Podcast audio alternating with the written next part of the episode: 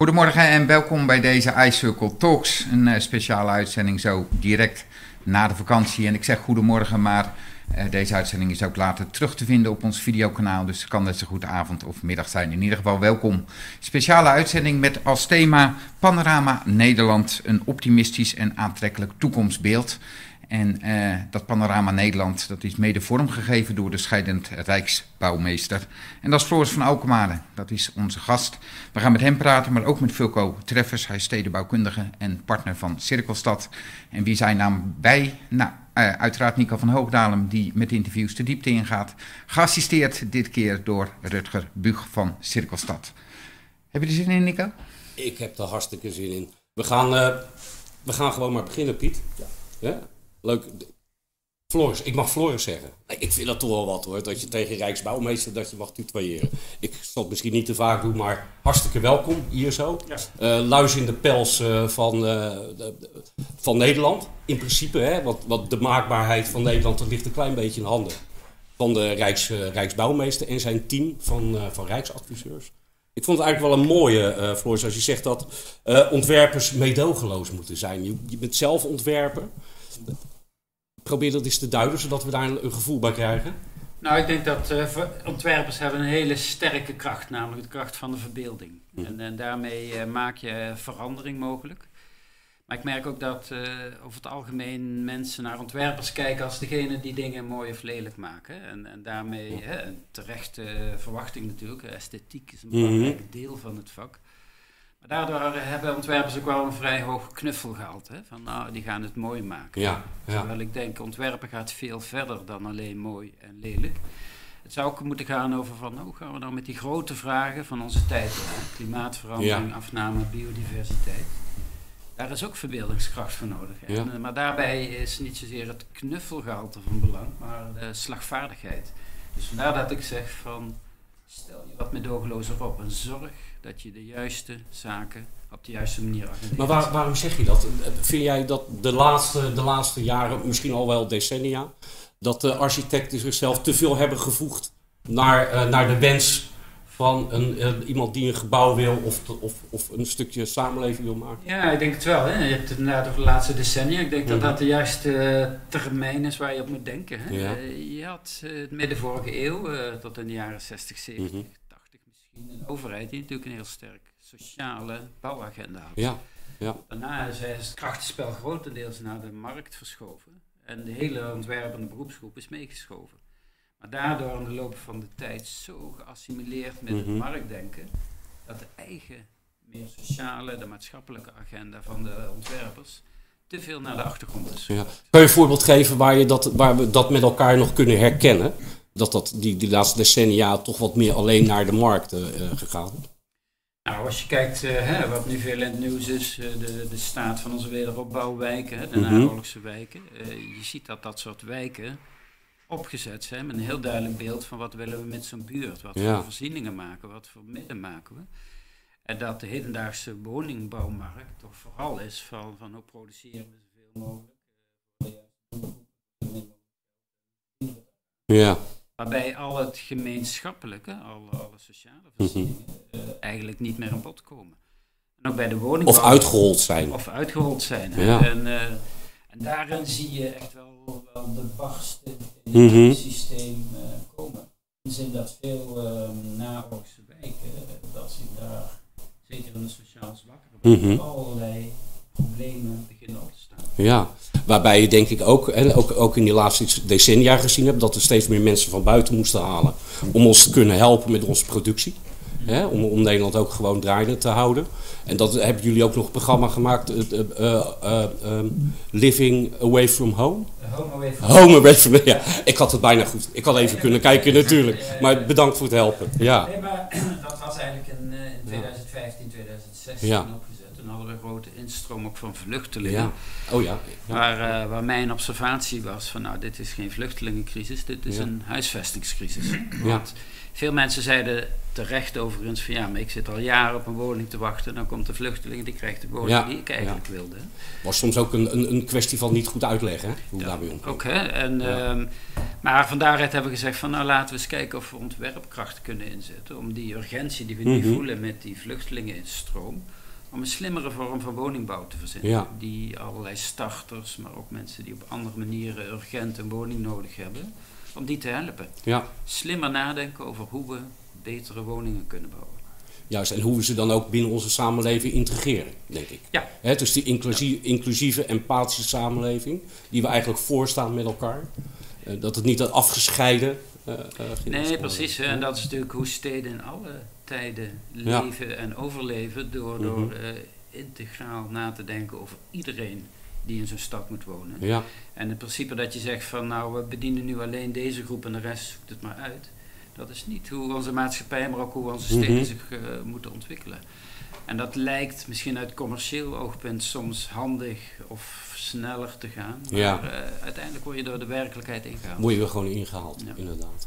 Nou, het fijne is, we hebben vandaag eh, ook Vulco Treffers aan tafel zitten, die ook een stuk bezig is met We Make the City. En hij heeft een paar andere, eh, andere manieren om eh, te gaan naar het. hoe we met elkaar in, die inclusiviteit met elkaar de, de, de, stad vorm gaan geven. Daar gaan we straks Vulco introduceren. Eh, we hebben Rutger inderdaad aan tafel zitten, die waarmee we elke dag samen bezig zijn om binnen Cirkelstad om die hele keten van de bouw met ons mee te nemen en te ondersteunen in die transitie. Hè, naar die nieuwe wijken en naar die nieuwe vormgevingen. Eh, wat, zometeen gaan we nog even praten inderdaad hoe we Panorama Nederland daarvoor, eh, daarvoor kunnen inzetten. Maar volgens mij is het nu goed als we eh, starten met Vulco verder te introduceren. Dus, Prima. En daar hebben we een filmpje voor en daar gaan we eerst even naar kijken.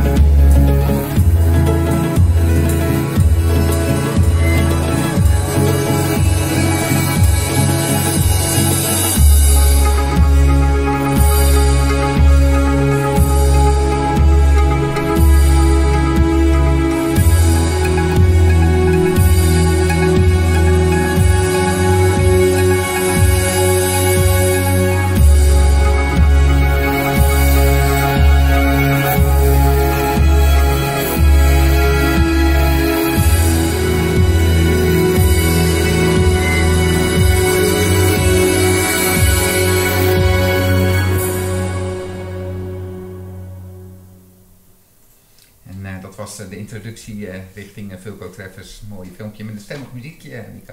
Ja, Ja. ja. het was, ik krijg echt wel zo'n eh, zo'n rustig eh, momentje Ja, ja, eh, rustig daarbij. Bedankt Vulco voor, eh, voor dit Rustig rustige, momentje. mo- rustige moment. Wat hebben wij nu niet in het filmpje gezien waarvan je zegt van ja, dat wil ik eigenlijk wel vertellen. Wie Vulco is. Nou, er staat veel in, maar het, het is misschien handigst om nog in woorden daarnaast Juist, te zeggen ja, van... ik, wat, wat ik, ik ben opgeleid als architect, eh, eh, maar ben vrij snel eh stedenbouwkundige kant op gegaan. Maar eigenlijk daarna mezelf nog steeds verder uit gaan vinden van wat is op dit moment in de stad nou nodig? Waar is urgentie? Mhm. En dat doe ik door projecten in de wat spannender gebieden in Nederland, maar ook juist in het buitenland te zoeken om te kijken om, om die wisselwerking over dat thema urgentie en maatschappelijke relevantie, om daar naar, naartoe te gaan. En ehm, ja, ik zie dat daar een enorme eh, be- behoefte eh, aan is in, eh, in Nederland, maar dat heel veel mensen eigenlijk daar niet toe komen. Om toch uiteindelijk gewoon zich te laten verleiden tot, ja, we gaan gewoon ontwerpen, we gaan gewoon aan de gang met wat er van ons gevraagd wordt Mhm. een bepaald programma, een bepaalde, bepaald woningtype, een bepaald aantal. En dat is, dat is het model. Terwijl daarvoor zitten zoveel vragen die Ja. vaak niet beantwoord worden. En die ben ik, die ben ik aan het zoeken. En eh, dat leidt soms tot hele andere rollen van die ontwerper. Eh, ik, soms zit ik helemaal niet te ontwerpen, heel vaak niet eigenlijk. Nee. Ben ik veel meer aan het uh, strategisch adviseur en samenwerkingsmodellen aan het onderzoeken. Ben ik verandermanager, ben ik procesontwerper. Ja. ja. ja. Dus, dus ik herken wel wat, wat er net op tafel kwam van ja, er is een soort van ur, urgentie of Mhm. een maatschappelijke vraagstukken die, die nu opgepakt moeten worden. Waarbij ik soms niet goed zie waar die, waar die Mhm. nu liggen, eh, wie ze pakt. Dus dat is eh, ook naar Floris toe. Van, ja, Ja. Hoe gaan we die rollen nu niet alleen als ontwerpers maar- Mhm. of, of bureaus of adviseurs, wat ik natuurlijk vaak ook, eh, waar je vaak ook in gedrukt wordt. Maar hoe zitten de opdrachtgevers en de, de, de beleidsvormers daar nou in? Nou, heel, heel fijn dat je dat zegt, want ik denk dat dat is, wel, dat is wel de stap die we vandaag ook een klein beetje willen maken. Maar herken jij ook wat, wat, wat Floris zei, hè? Van, eh, dat je als ontwerper eigenlijk, eh, eigenlijk weer eens moet durven om de hele omgeving beter te pakken. Om gewoon ook eens door te duwen en niet alleen vanuit die opdracht van maak nou eens een mooi gebouw of voor die en die mensen. Hoe, hoe kijk jij daar tegenaan? Een aantal voorbeelden. Een eh, makkelijk voorbeeld is het grote project eh, Space S, waar Ja. ik in Eindhoven aan gewerkt heb. Daar werd ik aanvankelijk gevraagd van, goh, dit is een gebied op strijp S, braakliggend terreintje. En we Mhm. hebben hier ongeveer 250 studentenwoningen gepland en 200 eh, gewone appartementen. Grote dichtheid, maar hoe, wat voor woningen, hoe, hoe, zou je Mhm. dat, hoe zou dat eruit moeten komen te zien? Dat was eigenlijk letterlijk de vraag. En ik heb uiteindelijk gezegd, ik heb geen idee. Maar wat ik wel kan bedenken is, dat duurde één of twee dagen hoor, voordat ik dat eh, antwoord gaf. Want Ja. ik dacht van ja, het is te gek, een leuke ontwerpopgave, veel woningen, een mooi, mooi bouwblok. Maar wat ik dacht, ja, waarom zou mijn oplossing nou beter zijn dan die van een collega of die van Ja. weer iemand anders? Wat maakt het nou echt uniek? Ja, En toen hebben we gezegd van ja, die, die uniciteit zit hem denk ik in als we het aan de mensen gaan vragen Mhm. die daar komen te wonen. En dat was sociale woningbouw. het is wel dat een gebeurde lastige dan, hè? Ja, dat was Daar wordt nooit zoveel aan gevraagd, toch? Daar wordt nooit zoveel aan gevraagd. Nee. En waarom eigenlijk Ja, niet? ja. En dus we zijn aan de gang gegaan om het proces te ontwerpen en eigenlijk de volgorde der dingen om te draaien. En aan die, eh, eh, aan die toekomstige doelgroep, die ook nog niet eens er was. Hè, We zijn dus een Mhm. traject begonnen waarbij we de doelgroep hebben uitgedaagd van... Als jij hier wil wonen, wat vind jij dan belangrijk? En als je mee gaat denken met ons, dan krijg jij ook voorrang op die woning. En dat proces, dat levert een enorme hoeveelheid energie op. Een enorme hoeveelheid nieuwe inzichten. Ik dacht Mhm. echt dat ik wel wat wist van wonen en Ja, van bouwen ja. en zo. Maar ik heb heel veel nieuw geleerd. Daar kan ik best wel wat over vertellen zo. Ja, dat gaan we straks Maar- doen, inderdaad. Wat maar ook vooral een, eh, eh, een, een- aan die kant heel veel energie. Mhm. En binnen de systemen, binnen de corporatie, binnen de gemeente, heel veel vraagtekens over ja, hoe, hoe past dat dan in onze eh Ja, verantwoordelijkheid? ja, zij hebben ook een business case natuurlijk. Hè. En die eh, business case Het is niet, die het is, die is niet probleem, maar makkelijker de- geworden. Een business case Ja. en een rol en een, Ja. en een, en een, en Ja. een taal en een, nou ja, al die dingen moesten we op een of andere manier heruitvinden. Ja. Ja, dat heeft uiteindelijk geleid tot een onwaarschijnlijk project wat binnen de budgetten, binnen de tijd, Mhm. eh, allemaal gewoon gerealiseerd. Er hebben Ja. 2000 mensen aan meegeholpen. Eh, ik heb eh, 600 mensen uiteindelijk, eh, eh, die, die, die hebben er een woning gekregen. Ik heb het verslag gezien, maar je, je hebt aardig wat op het podium ook gestaan, hè?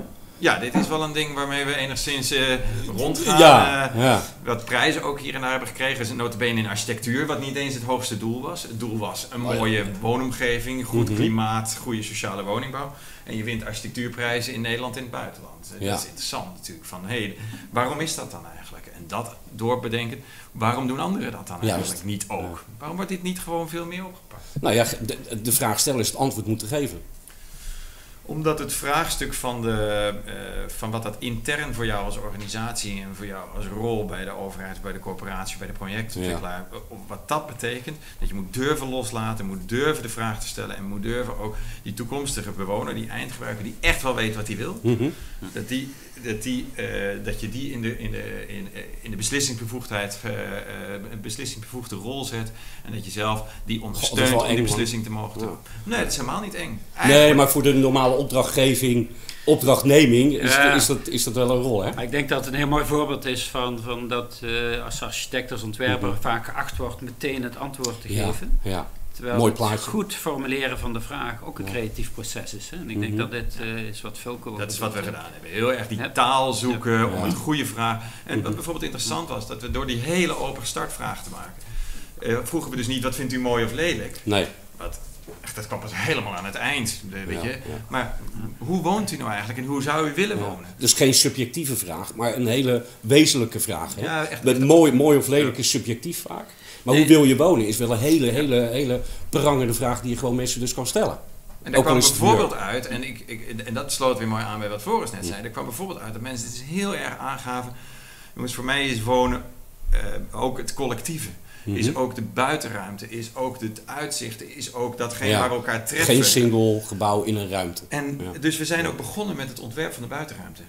Nou, dus als je 400 woningen maakt op, of 400 voordeuren maakt op, eh, een, laten we zeggen, 0,8 hectare. Mhm. En dan beginnen eerst met de buitenruimte te ontwerpen. Dat zorgt ervoor dat het ontwerp ook op een andere manier in elkaar zit. Dat zou ik anders nooit gedaan hebben als dat signaal van die honderden bewoners Mhm. niet zo duidelijk was. Dat is voor ons de essentie. Dat moet geen, geen restpuntje worden. Dat is gewoon voor ons de essentie waarom wij denken dat het een goede woonplek zou kunnen worden. Goed. Nee, zo belangrijk, hè, want dat wonen is iets wat voortdurend verandert. Hè. Ja. In ons achterhoofd zijn we eigenlijk toch nog steeds bezig om te bedenken in gezinswoning en s ochtends om 9 uur ga je naar je werk, om 5 uur kom je thuis. hè. Terwijl in dit soort stedelijke gebieden inmiddels eh, meer dan de helft eenpersoonshuishoudens zijn. Hè, met een totaal andere maatschappijvisie, een totaal andere agenda en totaal andere woonbehoeften. Dus totaal andere vraagstukken als het gaat ook over mobiliteit. Absoluut. Hè, en reizen en dergelijke. Maar dat vind ik wel leuk. Hè? Eh, Bedankt voor deze, deze introductie. Volgens mij eh, zijn een beetje de, de, de, de bakens eh, gezet. Ik zou heel erg graag Rutger, voordat we het filmpje over Panorama Nederland instarten, zodat we met elkaar even kunnen inzoomen. Wat betekent dit nu ook voor de rest van de keten? Rutger, de verbinding met wat wij doen met, als cirkelstad zijnde. Hier, zou je die willen maken?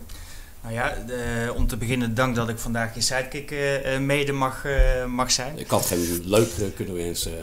Eh, zeker. De Cirkelstad, waar staan we als Cirkelstad voor? Ja, Cirkelstad is een, belangrijk, ja. een coöperatie voor publieke en private partijen. Mhm. die elke dag werk maken van steden zonder afval, zonder uitval. Of wat we tegenwoordig zeggen, de circulaire en inclusieve economie. Mhm. Ehm, ik werd wel gegrepen door een van de eh, zinsneden uit het panorama. Dat is namelijk het moment waarop Floris stelt. van, er zijn zoveel eh, structuren nu aan, aan verandering over, eh, onderhevig. sociaal, technisch, economisch. En eigenlijk zou het panorama een oproep moeten zijn aan ieder van ons. om, de, om je dagelijkse... Nou, je staat op en je doet je, je, doet je ding. Om je dagelijkse werkzaamheden eens anders te gaan doen.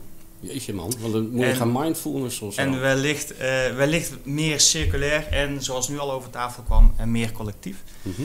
Eh, of solidair, zoals het later nog eens een keertje benoemd eh, inderdaad, werd. als, als dragend thema. Ja. Ja. En ehm, als er nou een, een oproep is aan iedereen, eh, Mhm. wat wij, en dat mag ik ook eh, eh, met jullie eh, doen, ehm, gaan de komende periode een aantal eh, debatten voeren om de politiek eh, te voeden. Eh, om ook statements en ook Ja. verandering Ja. eh, te kunnen brengen. Dus ik zit hier vandaag vooral om voeding op te halen om de komende periode die debatten met de politiek aan te kunnen gaan, zodat we een alternatief circulair verkiezingsprogramma kunnen aanbieden. Los van kleur, die kleuren interesseert me niet. Eigenlijk wel de kleur in, in vooruitgang. Mhm. Dus ik wil verhaal, verhaal inhoud ophalen. Eh, panorama en eh Fulco, het project wat je schetst, dat geeft een mooi toekomstbeeld. Ja. En ik wil ook graag horen van, oké, als je dan in gesprek bent met de praktijk, wat zijn dan die, die, die, die bewuste grote dingen die je met elkaar zou willen veranderen? En dan zit ik alvast eh na te denken, en wat zou de politiek eraan eh, kunnen doen? Mhm. Dat is niet voor hier aan tafel, maar wat kan ik meenemen? Dus zo Ja. zou ik vandaag eh, aan tafel zitten. Ik- Ik mis nog iets, Rutger. Ik ik heb, daar, ik heb heel veel interviews gezien van Floris, gezien, gelezen en dergelijke.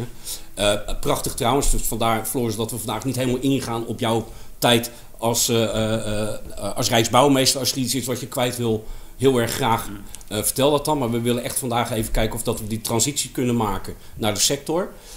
Rutger, mij valt op, en dat geldt bij Vul- Vulke ook voor, voor Strijp S. En dan gaan we naar het filmpje hoor.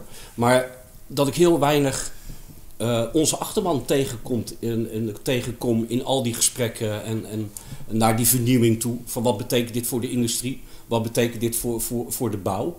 Eh, daar mogen jullie trouwens zo meteen een antwoord op geven. Maar het viel mij een klein beetje op dat we vooral met mensen, heel erg met mensen bezig zijn. En nog heel weinig, wat wij willen die vertaling maken, hè? want het moet morgen wel gebeuren. En, eh, wat jij- ik- heb jij dat ook, is jou dat ook opgevallen?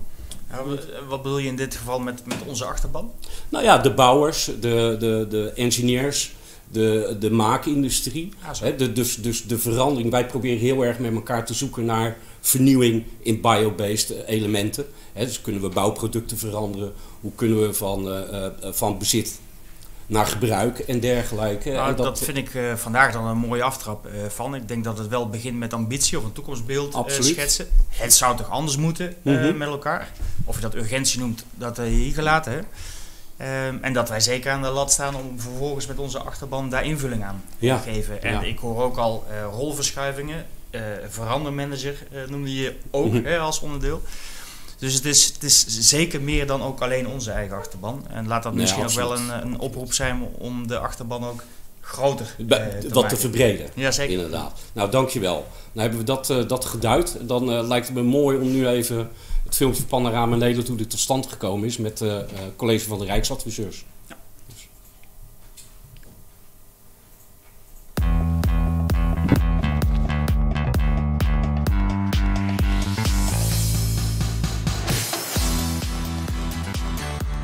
Panorama Nederland is een vergezicht op de toekomst van Nederland. In de meest letterlijke zin van het woord, dat we de toekomst proberen te verbeelden in de vorm van een panorama.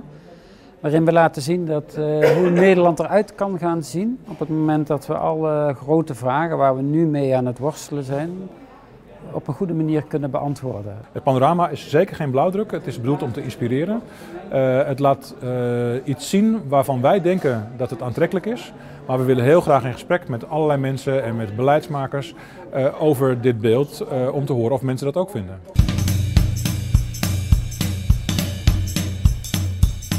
Als je kijkt naar de vragen die nu op ons afkomen als generatie, duizelt je af en toe. Hè? De vragen van een omvang van een hele planeet soms. Hè?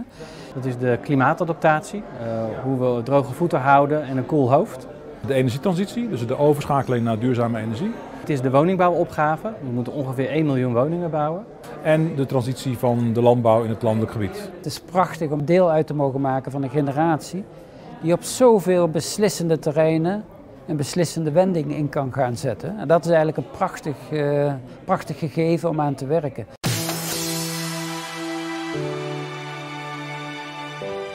Panorama laat zien hoe Nederland eruit zou kunnen zien eh, als je die transities op een goede manier inzet, eh, met elkaar in samenhang. Laat het panorama zien wat het kan opleveren. Dus het is een impressie van hoe Nederland eruit zou kunnen zien over een aantal decennia, als we al die transities achter de rug hebben. Nou, in dit panorama zien we eigenlijk een Nederland dat heel herkenbaar is. Het doet ons heel erg denken aan het Nederland zoals we dat vandaag de dag zien. En toch is het fundamenteel veranderd. Deels omdat er dingen zijn toegevoegd en zijn gewijzigd, maar ook omdat het heel anders functioneert.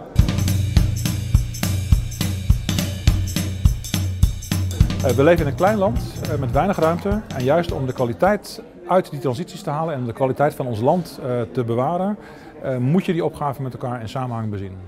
Nou, we willen eigenlijk dat iedereen dit panorama ziet. Dat zoveel mogelijk mensen ermee aan de gang gaan. En eh, in onze ogen ook een heel belangrijk gereedschap om de discussies over de nieuwe omgevingswet, de nieuwe omgevingsvisies vragen, om die te voeden. Als we aan deze vier opgaven samenwerken, dan krijgen we een veel rijker, hechter, schoner Nederland.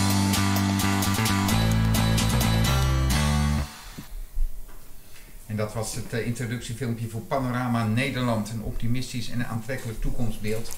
En voor de oplettende kijker achter Nico draait op het scherm ook het hele panorama wat we net in het filmpje zagen. Sterker nog, we gaan er eh, straks ook op inzoomen.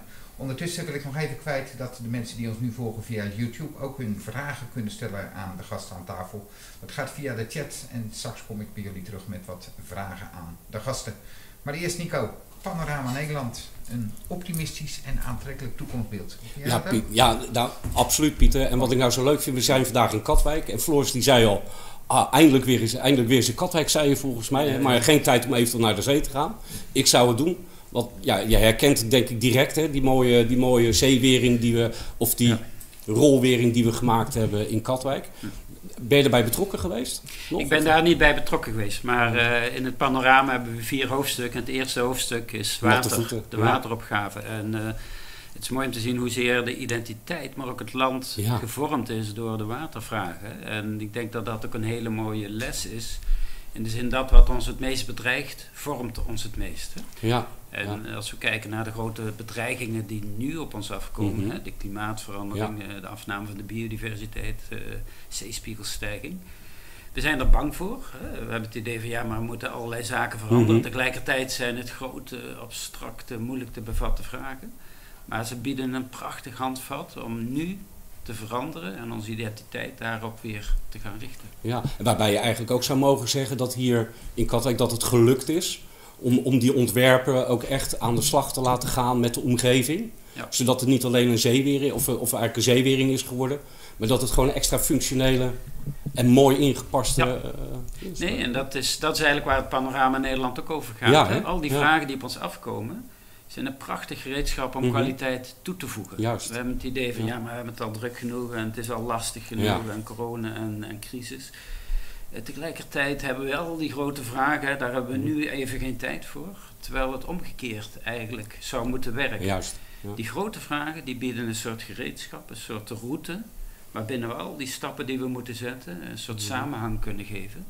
En waardoor er inderdaad dus een Nederland uit kan groeien, wat, waar we allemaal naar kunnen verlangen. Ja. En het is dus niet een soort extra last, maar eigenlijk een prachtige routekaart. Mogelijkheid eigenlijk, hè? Precies. hè. Ja. En, eh, en dat is dus eigenlijk wat het panorama toont. Mhm. Eh, het is niet echt op een jaartal geënt, hè, maar ongeveer op 2050.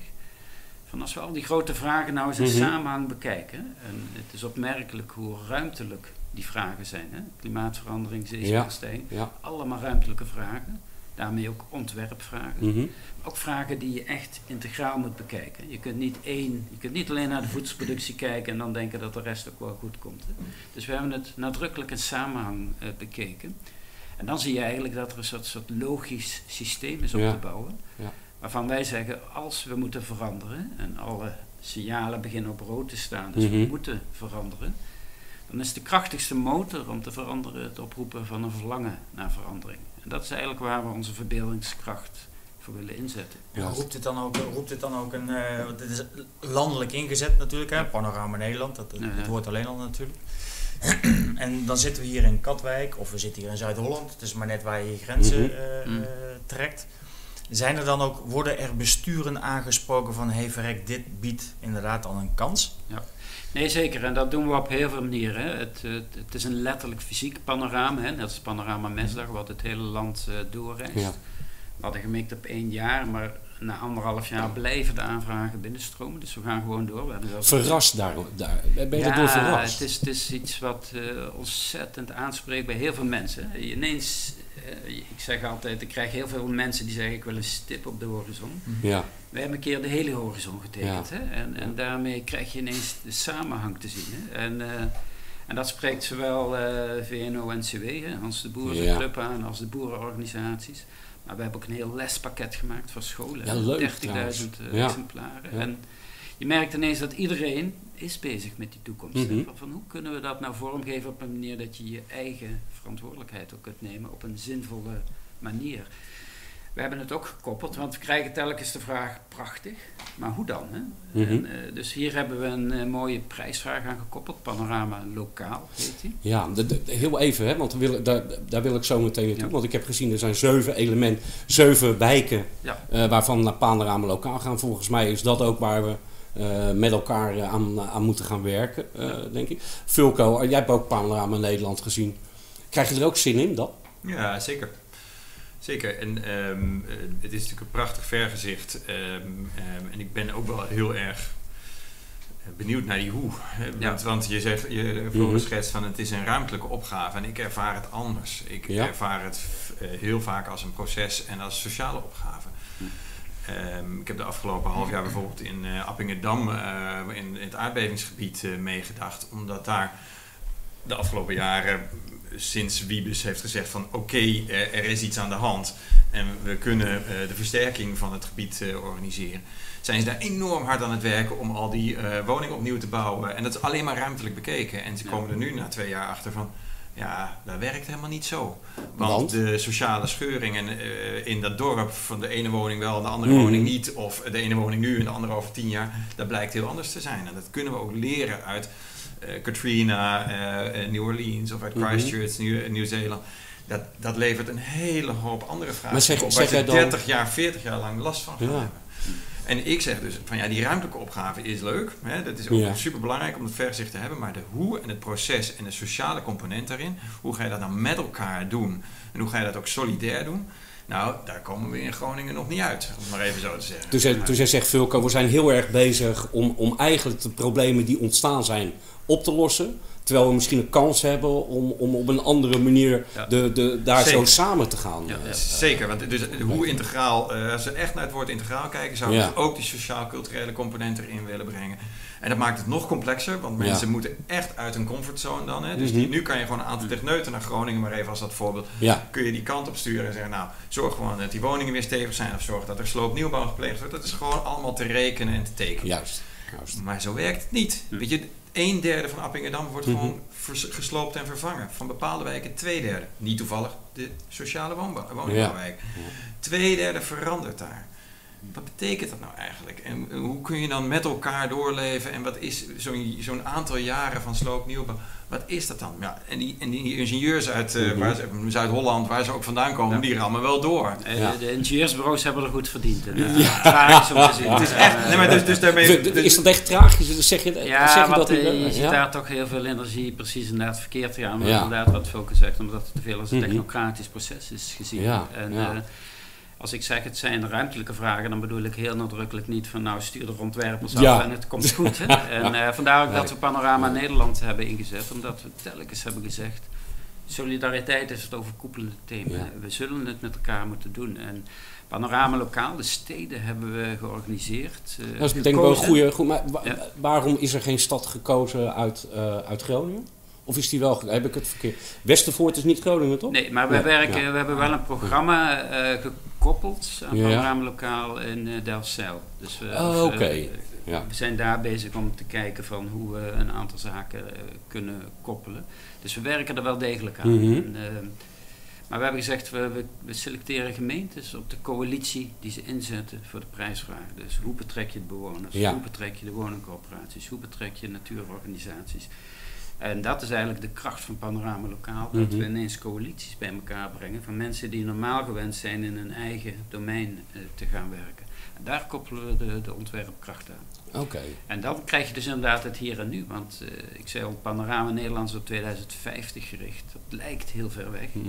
Ik zeg altijd, een tijd is dat even ver weg als 1990. Ja. En dat, dat hebben we veel van ons toch nog meegemaakt. Hè?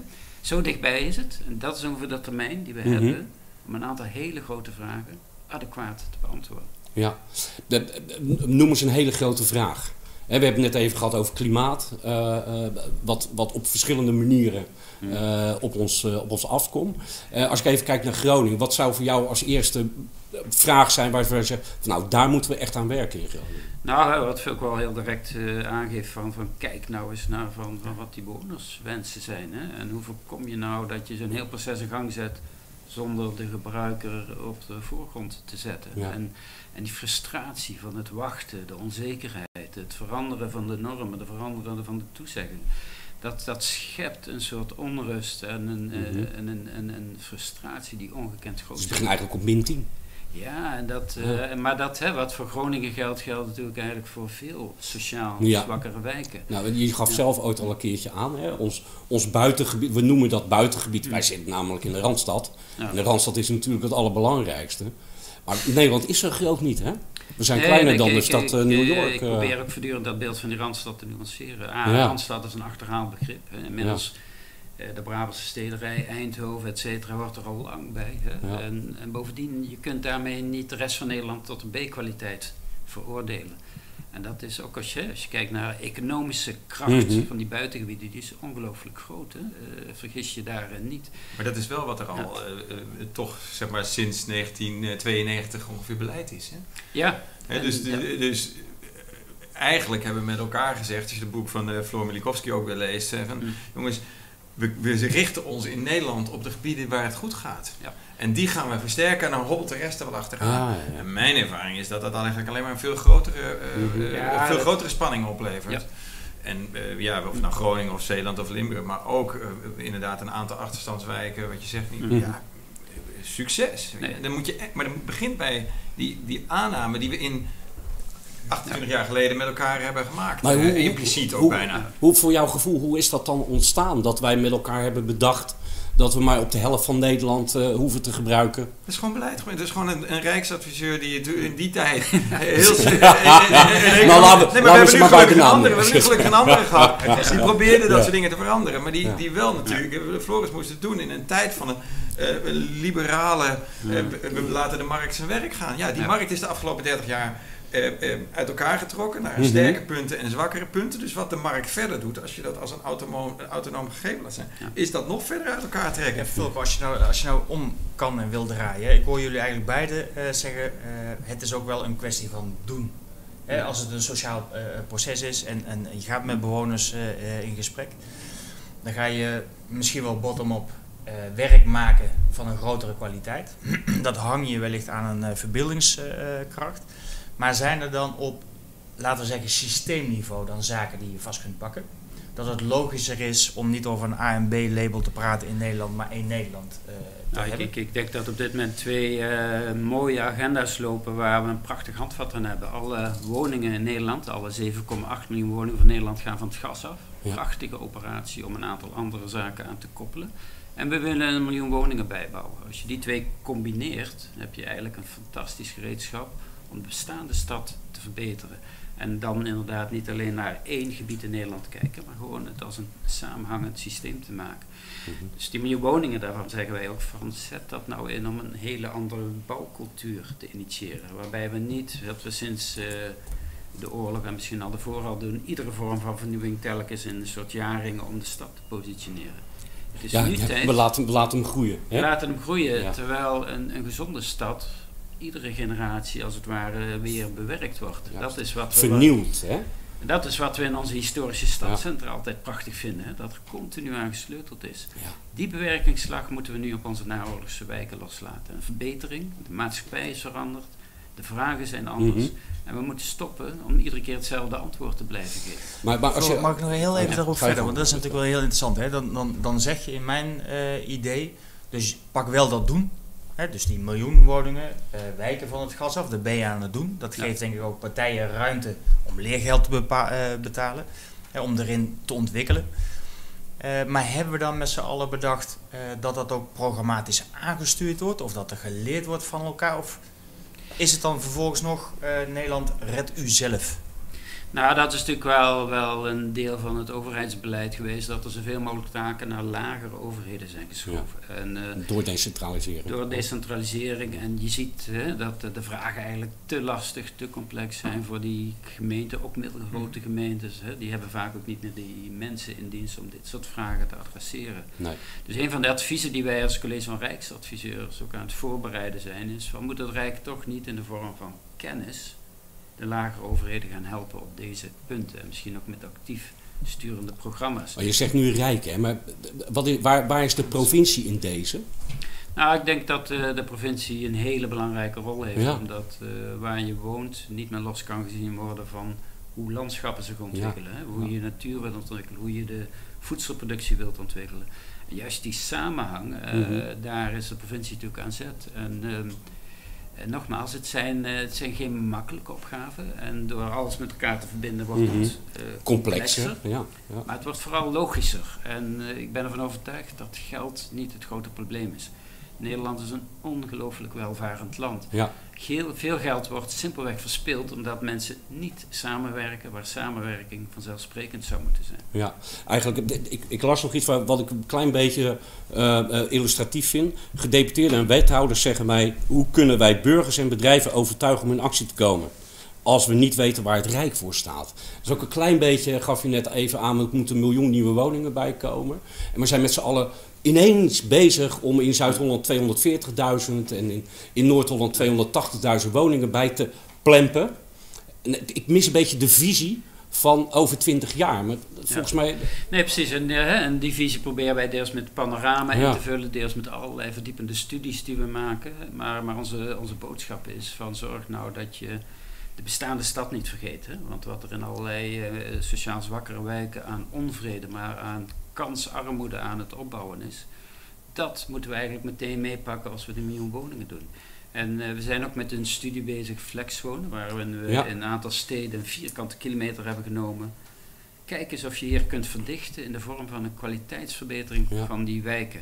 En dan zie je dat er een enorme hoeveelheid potentie in bestaande wijken ligt mhm. om de woningbouwopgave te versnellen, maar ook sociaal uh, stabieler te maken. Durf je ook te zeggen, hè? want ik, ik heb dat, eh, je zei op een gegeven moment van ja, over tien jaar uh, komen we ervan terug van hetgeen waar we nu heel druk mee bezig zijn om het er gewoon maar erbij te zetten.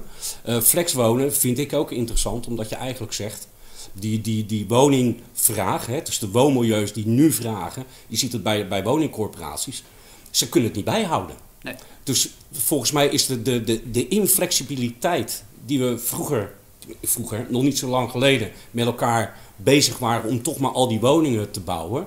Eigenlijk zou je nu moeten zeggen, nou wacht even, we gaan eerst eens goed nadenken hoe we dat weer terug kunnen brengen. Precies, hè? Je, je, moet de hele keten doordenken, doordenken. En het feit dat er nu veel vraag is naar grondgebonden eensgezinswoningen, ja. Betekent niet per definitie dat je die dus moet bouwen. Nee, je moet de hele keten doordenken en dan mhm. kijken of kun je het in beweging brengen. Mhm. En uh, daarbij speelt natuurlijk ook dat Nederland uitstekende woningen bouwt, maar ook de duurste van heel Europa. En daarmee hebben we een hele startersgroep en allerlei mensen met minder middelen ja. buiten spel gezet. En die moeten we ook meenemen. En dat is ook niet weer een nadeel. Maar als je dat doet, heb je een prachtig gereedschap om een mhm. hele keten in gang te brengen. Waarmee je en een miljoen woningen toevoegt, ook de bestaande stad kunt verbeteren. En zou dat ook het verhaal moeten zijn wat, wat vanuit het Rijk komt? Ja, en ik denk, hè, en dat is een verhaal wat wij vanuit het college veel verteld hebben in de nieuwe uh, brief van de minister over de, de nationale omgevingsvisie komen die thema's ook naar voren. Dus we zien dat die agenda's zich beginnen te versterken. En dat het Rijk ook wel dat, uh, dat verlangen en dat beleid uh, begint in te slaan. Ik, ja. uh, ik dat, zou ik erg geïnteresseerd in zijn. Dus als er een, een, een, een, een denktank, een, nou ja, een kennisinstituut of zo aan de zijkant komt...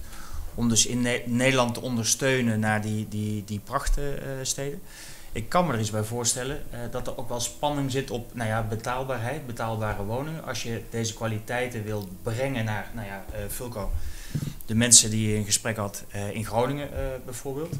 Is die betaalbaarheid, is, is, halen we dat? Die, die nieuwe woningen die ze krijgen, die, die worden nu voor een deel gebouwd. dus, dus op kwaliteit en de, de kosten die zitten vaak toch in die stenen. En dat gebeurt al wel. Maar als je dus eh, de, de andere kwaliteiten in zo'n gemeenschap, eh, qua goed proces of goede samenhang of goede collectieve publieke ruimte, als je die niet uh, erbij haalt, dan, ja, dan wordt het ingewikkelder. En dat gaat voor een deel over economische structuren natuurlijk ook.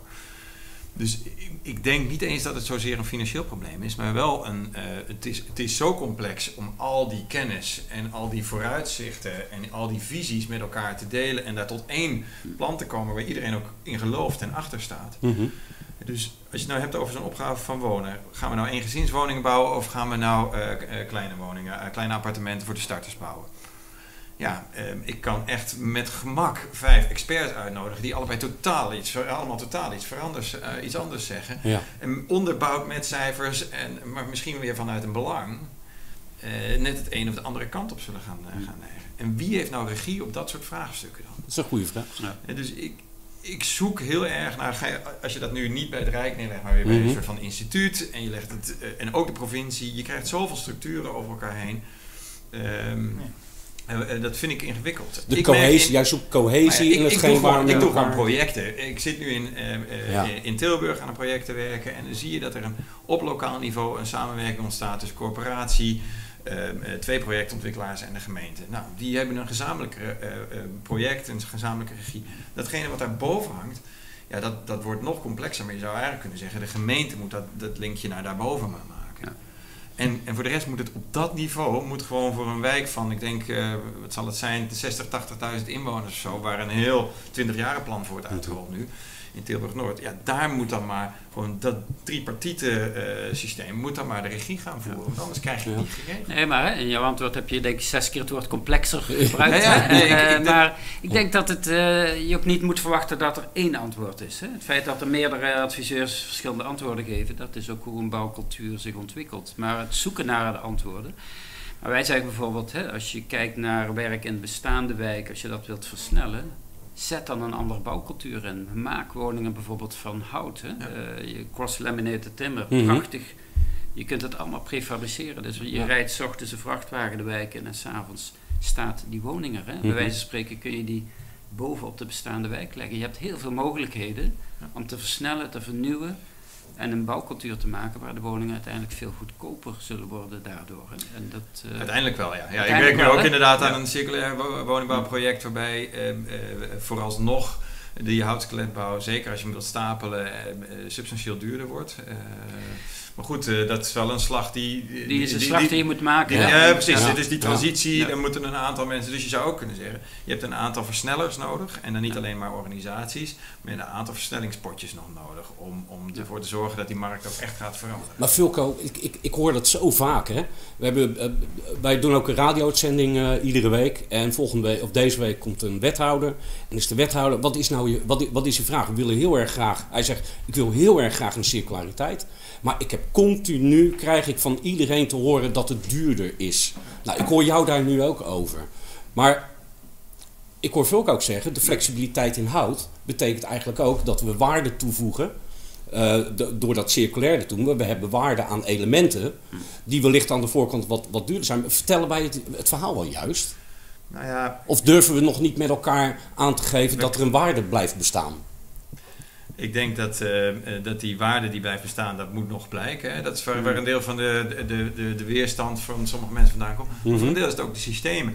Een, een corporatie heeft een wet waar die zich aan moet houden om uit te rekenen hoe duur een sociale woningbouw mag zijn. Ja. Ja. Ja, eh, binnen dat systeem is het best wel lastig om restwaarde Ja. Op te nemen. Eh, dat kan wel, maar dat is, dat is wel echt. Nee, dat maar vraagt hè, iets. je, je moet ook niet eh, onderschatten wat, wat, eh, wat voor veranderingen er staande zijn. Hè. Eh, beton is wereldwijd voor Ja, 10, 10 11 procent. procent Ja. eh, verantwoordelijk voor de CO2-uitstoot. Stel dat het volgende kabinet zegt, we gaan toch een vorm van lichte CO2-belasting, zelfs als het Tax. een lichte, Ja. dan is houtbouw ineens Ja. veel voordeliger dan betonbouw. Hè. Mhm. En dat kan zomaar veranderen. En, ehm, dus het is ook aan de bouwbedrijven van bereid je nou voor op een toekomst die er hoe dan ook aan zit te komen. Mhm. We gaan verduurzamen, we gaan principes anders inzetten. En je kunt tegen heugemeug wachten tot je overvallen wordt, of je kunt vooruitdenken en bereid je voor op een toekomst die we met z'n allen nodig hebben. Hè. En daar zit een vernieuwingskracht en dat zien we, dat zien we gebeuren. ja. Pieter, jij wil Even een rondje vanaf de chat. even een rondje vanaf de chat. Ja, want ondertussen wat vragen binnen, wel met Ja. enige vertraging, want eh, ja, het gesprek gaat natuurlijk voort aan tafel.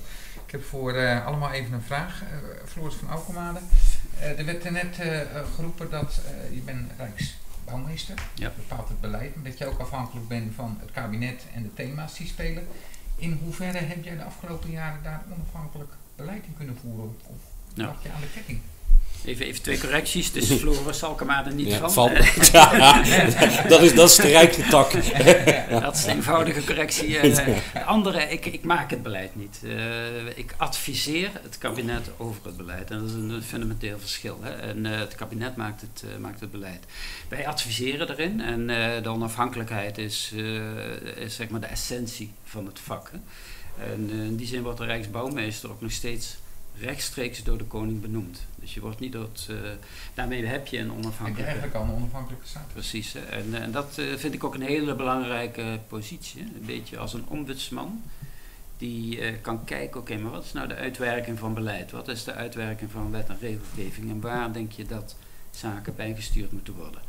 Zo'n panorama Nederland is een voorbeeld van een onafhankelijk advies. Hè, waarbij we kijken van, ja, maar de politiek en de markt hebben vaak een te korte waarnemingshorizon. Hè. Wat als je nou eens wat verder vooruit kijkt? Wat als je andere zaken verbindt? Dat is hoe wij onafhankelijkheid proberen te garanderen. En, kun- en kun je dan ook een stempel drukken? Ja, ik denk het wel. Ik denk, hè, eh, er is natuurlijk ook een atelierrijksbouwmeester hè, van een man of 30, 40. Dus je hebt daarmee slagkracht. Je kunt ook. allerlei studies eh, in gang zetten. Maar ik denk vooral ook eh, het ontwerpend onderzoek, hè, wat we in de vorm van die prijsvragen met lokale partijen telkens in gang zetten, dat daar een enorme voorbeeldwerking van uitgaat. We hebben nu Panorama Lokaal, maar we hadden ook eh, Home Away From Home. We hadden Brood en Spelen hè, met de boeren werken en ontwerpers. eh who cares? De veranderende zorg Mhm. telkens het agenderen van belangrijke maatschappelijke thema's. En waarvan we zeggen tegen de ontwerpers, doe dat nou niet zelf, maar zoek partijen op met wie je gaat samenwerken die op dat gebied aan het, die daar de kennis van hebben. Hè. Altijd met bewoners, maar bij bijvoorbeeld Who Cares, ontwerpers mochten alleen meedoen als in hun team iemand uit de zorg zat. Hè. En dat maakt, dat is ook een vorm van onafhankelijkheid. Dat je zorgt dat je telkens samenwerkt met partijen die andere kennis in het proces brengen. Helder, onafhankelijk. Dus de vraag aan Vulko, je bent ook stedenbouwkundige. Je had het net over allemaal bouwsystemen uh, die voorbij kwamen. In hoeverre heb jij de opbouw van steden zien veranderen de afgelopen jaren? En wat verwacht je dat dat, hoe dat zich verder gaat ontwikkelen? Mooie grote vraag. Um... In grote lijnen. Ja. ik, ik, luister even mee. Ja. uh, ik, ik, ja, ik, we komen natuurlijk uit een Phoenix-opgave. Um, uh, die in de jaren negentig heel dominant is geweest en waar daarna wat vraagstukken over ontstaan zijn. Hè? Is dit nou de manier hoe wij nieuwe wijken in de weilanden, even heel simpel gezegd, uh, uh, gingen realiseren? Nou, op onderdelen wordt daarin doorgewerkt. En op onderdelen zie je dat daar ook gemeentes echt weer erg afstand van hebben genomen. En die zijn weer veel meer gaan inbreiden. Dus veel meer binnen de bestaande mm -hmm. stedelijke structuur uh, de, de rotte plekken of de lege plekken toch weer gaan invullen met, uh, met nieuwbouw. Um, ik denk dat dat een, een traject is dat wel doorgezet gaat worden. Ook bij verdere groei, bij verdichting, zie je dat de onderzoeken er, voor zover ik weet, heel vaak toe, die, die, geven de ruimte om nog die verdere verdichting aan te gaan. Um, en het vraagt wel een bepaald, het wordt wel meteen een bepaald stedelijk woonmilieu, wat dan niet voor elke gemeente of elke regio past. Maar in basis denk ik dat dat wel een lijn zal zijn. Uh, ik, ik, ben heel benieuwd hoe het economisch, uh, hoe het, de economische component eigenlijk vormgegeven gaat worden. Dus dat wonendeel, dat, die, die opgave waar het net over ging, die 7,8 miljoen bestaand en die 1 miljoen nieuw. nieuw. Ja, dat zal, daar kan ik me wel voorstellingen bij maken, maar het economische deel hoe de centra gaan functioneren en hoe industrieterreinen gaan functioneren uh, in, uh, in de komende 20, 30 jaar. Ja, dat moet ik zeggen, dat vind ik nog wel een, uh, vind ik wel een uitdaging om daar een goed beeld van te schetsen. Want die zijn ook op een hele andere manier georganiseerd. Dat zijn allemaal losse entiteitjes. Die, het zijn geen wijken waarbij je aan één of twee eigenaren kan aanwijzen en zeggen: Goh, laten we eens met elkaar gaan kijken. Dus ook de structuur van die daarachter zitten, eigendomsstructuren, belangenstructuren, die is zodanig anders. Dat vind ik nog wel een, mm. een spannende.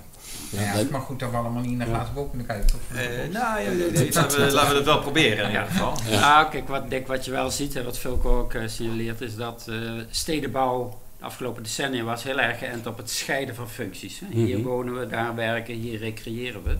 Het interessante van deze tijd is dat we zaken weer met elkaar gaan ja. brengen. Hè. En ook een van de zaken die we nu in de coronatijd meemaken, combinatie wonen-werken, kunnen we daar meer inhoud mm -hmm. aan geven prachtige impuls voor onze steden en onze woonwijken. Ja, maar betekent, betekent dat dan ook uh, dat we met elkaar heel erg goed na moeten gaan denken nu hoe we uh, de nieuwe kantorenvoorraad vorm gaan geven? Ja, ik denk dat dat een Kunnen we dan een oud rapport uit de kast trekken van tien jaar geleden? Ja. Oh, ja. nog wat studies van. Ja. Nou, toen hadden we wat leegstand waar we, waar we wat ja. mee kunnen hebben. Maar dat was ook, denk ik, voor 80% niet transformeerbaar naar wonen. Hè? Nou, dus, dat transformeerbare, dat kun je nog vele manieren doen. Maar uh, uiteindelijk denk ik wel hè, dat uh, het, het, nadenken van, van hoe willen we uiteindelijk werken. Hè? En waarom ja. is dat zo nadrukkelijk uh, zoiets anders dan dat wonen? En kunnen we meer overgangsvormen maken? Interessant. Ja. Uh, ik denk dat dat hopelijk iets is wat we, wat mee kunnen nemen nu na de corona. Dat we niet alleen de noodzakelijke veranderingen uit angst geboren meenemen, mm -hmm. maar dat ook kijken van wat willen wij. Ja. Zit daar ook een uh, parallel aan? Dat vind ik ook wel aardig om dat jullie beiden voor te leggen. Zit er ook een parallel aan dus van, van functioneel uh, gescheiden naar integraal? Dat is in, in uh, de dingen die je tegenkomt, naar, naar processen. Hè, dus de, um, wat ik zie, wat ik herken is, hey, je hebt een project, je levert een gebouw op en alsjeblieft hier heb je de sleutel zitten we ook niet veel meer, is, is, is de verandering niet de, de continuïteit waarin we zitten. En is er dus ook een, een ander proces of andere rollen, andere partijen voor nodig die daar continu, ja, noem het nieuwbouw. En is ook een ander type gebouw, uh, omdat we niet ja, veel verder dan vijf of tien jaar vooruit kunnen ja. kijken wat er met dat gebouw moet gebeuren. Ja. dus, je, dus ja, helemaal eens. Hè. Dus je gaat op zoek naar, wat mij betreft zelfs naar andere eigendomsvormen, andere constructies. Waarbij je uh, een tijdje dat kantoorgebouw uh, mag leasen als woongebouw Mhm. of, of andersom. En we zien het op heel op, op, als, je, als je heel diep inzoomt, zie je op allerlei hele kleine schaal zie je dat eigenlijk al bestaan. Ja. Mensen die al lang eh, eh, eh, die woning en die werkruimte eh, helemaal geïntegreerd hebben en waarbij de oude garage gewoon een, eh, eh, een kapsalon is geworden. Ja. Allemaal dingen die daar... Zitten daar maar het panorama ja, ook. Ook, ook voorstellen in? Ja, die, die gaan eigenlijk eh, precies daarop in. Hè? Van, van, ik denk dat de huidige bouwcultuur eh, eigenlijk vrij autistisch is. In de zin van, hè, je maar bedenkt je eigen gebouw en bij de voordeur begint de rest van de wereld. En we bedenken net voor deze tijd en wat er over 30 jaar gebeurt, zoeken ze maar uit. Hè? En ik denk dat de verandering die het panorama vraagt, een, eh, is een veel minder autistische bouwcultuur. Waarbij je altijd gebiedsgericht bent. Hè? Van welke stad zit ik, welke buurt zit ik. Wat is de mogelijkheid om mijn gebouw een uitstraling te geven die ook het publieke domein verbetert. Sociale interactie eh, garandeert. Om daar een duwtje tegen te geven, wat, wat, wat, wat is een mechanisme om dat te kunnen bereiken? En eh, los van economische zaken of financiering, maar Nou, maak het complexer door er Ja. meer partijen bij te betrekken. Ja. Mensen hebben altijd het idee van, nou, ik vind Maak dat het moeilijk. Dus ik maak het zo klein. maak het, ik maak nee, het, maar hè, want ja. eh, mensen zijn, ben niet zo bang voor complexiteit, ben niet zo bang voor de grote vragen, maar koppel het aan je eigen verantwoordelijkheid, je eigen inzicht. En uiteindelijk zal je project daar zoveel rijker door worden en Mhm. ook zoveel relevanter. En daarmee toekomstbestendig. Ik had nog één vraag aan eh, Rutger vanaf. Het is wel leuk dat de gesprekken gewoon doorgaan aan tafel. Ja. Rutger, het, het panorama wordt geschetst tot 2050. Dat is ook het moment dat eh, het bouwproces helemaal circulair moet zijn. Eh, jij staat voor Cirkelstad, het circulair bouwen. In hoeverre herken je de doelstellingen van Cirkelstad in het panorama zoals het nu ligt? Eh, ja, laten we beginnen met eigenlijk wat Fulco ook aanreikte. Sikkelstad staat wel denk ik voor een sociale beweging. Dus krijgen we mensen verbonden die elkaar eerder niet gezien hebben en getroffen hebben. En het is wel heel aardig dat je nu zegt van maak het complexer. Ik merk inderdaad wel eh, dat we vooral, nou ja, eh, als geuzennaam bedoeld, Don Quixotes aan elkaar verbinden omdat die vaak die achterliggende organisatie nog niet mee is. Maar die ene projectleider of directeur die we betrekken bij, eh, bij de coöperatie, ehm, die proberen we te verbinden om net even de toekomst dichterbij te brengen op een project of op een beleidstuk net even een stapje verder eh, te brengen. We hebben als voorbeeldje, eh, zijn we vorig jaar met zes grote opdrachtgevende en zes grote opdrachtnemende partijen een convenantprogramma gestart om in 2023 het convenant circulair bouwen nieuwe normaal te tekenen. No. Daarbij vooral gezegd van laten we drie jaar lang onze projecten auditen, evalueren van wat is nou realiseerbaar in de praktijk. eh, om dat te, onttrekken en dan te zeggen van nou laten we dit is dit jaar eh, beschouwen als het nieuwe normaal. Dan hebben we kennis genoeg en ervaring genoeg eh, wat het zou kunnen zijn en wat de betekenis als impact op je organisatie om het te gaan implementeren, te tekenen in 2023. Eh 2023 hebben ook een aantal partijen gezegd van laten we al zorgen dat we 50 à 100% circulair kunnen inkopen. Voor mijzelf, 2050, ik kan niet zo ver kijken. Pieter, excuus, ik, ik kan dat niet. Daar hebben we juist eh, verbeeldende eh, Juist, eh, partijen. verbeeldingskracht voor nodig. Zeker. Ja. Dus ik sluit me graag aan bij het Panorama Nederland. Ja. En ik ga morgen graag eh, panorama wijken en steden proberen te faciliteren. Mhm. Om die volgende stap eh, eh, te Maar zetten. volgens mij, Rutger, als, als we even... Of, of Filco, wil jij jij wil eerst reageren? Nee, je kan niet zo ver kijken, maar je Ja. weet wel welke waarde jij over in 2050 eh, van belang hebt, denk ik. Nou ja, en die sturen op waarde. eh, sturen op een DNA waar Sikkerstad eh, voor staat. Ehm, eh, ja, daar herken je eh, solidariteit direct in. Hè? Dus die integraliteit of die inclusiviteit die we nastreven. dus doe het werk wat je doet. Zie dat als een opleiding voor generaties die nu nog jong zijn. Of mensen die weer in willen stromen in werkprocessen. Doe de dingen eh, met de gebruiker, of dat nou een bewoner is, of een automobilist, of iemand die in de trein zit. Hè. Doe dat met anderen. Maar Doe dat in co-creatie. Maar, maar daar, daar moeten we dus veel. Hè, dus ik, ik, mijn stelling is: je Ja. moet dat soort waarden net een stapje verder brengen dan de wereldvredewaarden. hè. Mhm. Dus, dus dat is de, die- die, heb je allemaal nodig. Dus dat zijn ook de cirkelstadwaarden. Bij dat Space S-project kom- kwam ik erachter dat mensen op een gegeven moment zeiden: eh, Jongens, maar ik ben eh 65 plus. En ik wil niet naast zeven andere 65-plussers op een verdieping wonen. Want ja, die heb ik wel in mijn vrienden al. Eh, ik vind het veel leuker om naast een studentenhuis te wonen. En andersom, hetzelfde. Dus super interessant om te zien dat wij altijd dachten, ja, nee, maar je moet dat Nee, een je beetje soort organiseren. Hè? zelf. Ook, Ja, weer, ja. ook weer in- die, in, die, in het scheiden van functies, het scheiden van doelgroep, Mhm. het scheiden van systeem. Nee, wat blijkt nou? Die mensen kwamen echt op een gegeven moment in sessies achter hele andere waarden. Van Ja. zichzelf ook. En dat hebben we, wij schrokken er echt een beetje van. En we dachten van, nou ja, als we dat gaan doen, dat betekent nogal wat in je, in je plattegrondinrichtingen en je ontwerp. We hebben een, een, een nieuwe groep uitgenodigd die, die, die ietsje later, eh, twee maanden later in beeld kwam. Dezelfde type vragen voorstelde en die kwamen ook op datzelfde punt uit. En nog een keer. En toen dacht ik, ja, dit is dus iets heel anders. Nou, ik had het nooit durven bedenken. En misschien had ik het wel bedacht, maar ik had nooit de Nee. waarde ervan kunnen inzoomen. Dus je moet inzoomen op die waarde. Ik, ik, ik vind dat aardig, hè. En ik, ik wil heel eventjes daar eh, nu naar eh, Floris. Floris, hoe cares? De, bloemkolen, de Bloemkoolburenbond. Ja. Volgens mij is dit hetgeen wat, wat, Nee, wat nu hè. noemt, toch? Ja, bij Who Cares keken we ook hè, van de veranderende zorgen, Ja. de veranderingen die we in onze woonwijken nodig hebben. Samenleven, Inderdaad, samenwonen. precies. Hè, en het, het mengen van generaties, het mengen van doelgroepen is zo'n goede manier om een sociaal sterke Mhm. wijk te maken. En je merkt inderdaad dat ehm, mensen veel meer om elkaar geven dan dat we vaak het beeld hebben. Ja. En, en, en dat zie je iedere keer. Hè. We werken veel samen met, met Gijsbert eh, van Humanitas in, eh, in Rotterdam, eh, Gijsbert Mhm. van Herk. En, een organisatie met 3000 mensen en 3.500 vrijwilligers die meedoen. Zo, hè. ja. En, en dat is zo tekenend voor wie wij ook zijn. Mhm. En laten we dat niet vergeten. Maar je moet wel de woonwijken maken op een manier dat mensen ook de ruimte vinden. Want veel mensen die hulp nodig hebben, hebben ook een heel groot probleem om vreemden binnen te laten. Dus zorg voor een wijk waarin je elkaar kent. Ja. En dan ineens gaat het systeem werken. Dus de sociale, sociale eh, component. Hè, veiligheid creëren, ook, ook juist Geborgenheid. geborgenheid, veiligheid. Maar ook de mogelijkheid. Ik weet bijvoorbeeld van Humanitas dat er een, eh, een onderzoek is geweest van hoe dementie, hoe je zo lang mogelijk fris blijft in je hoofd. En dat is niet door alle mensen met lichte dementie bij elkaar te zetten, maar juist te kijken nou, hoe onze wijken, hoe mensen nog Ja. zo lang mogelijk zelfstandig kunnen zijn. Nee, dat- en dus dat- ook willen wonen waar jongeren zijn, waar veel gebeurt. Ja. Dus dus Kijk, is ook een hè, de kwaliteit van de openbare eh, ruimte is Ja. zo belangrijk. En, en te hoge stoeprand kan voor mensen al reden Ja. zijn om voortaan maar binnen te blijven. En dan begint het hele zorgcyclus. Eigenlijk wordt het dan, hè, dan dan wordt het zorg. Terwijl het eerst nog samenleving is, Ja. Word je dan eigenlijk in de zorg geduwd. eh. Nee, precies. Eh, en een stad die op die manier goed inricht, is een stad die goed voor iedereen is. Hè. En Ja. eh, laat, laten we daar naar kijken. Hè, van, Ja. Wat kun je nou doen vanuit die solidariteitsgedachte om gewoon Mhm. steden te maken zoals we die allemaal willen?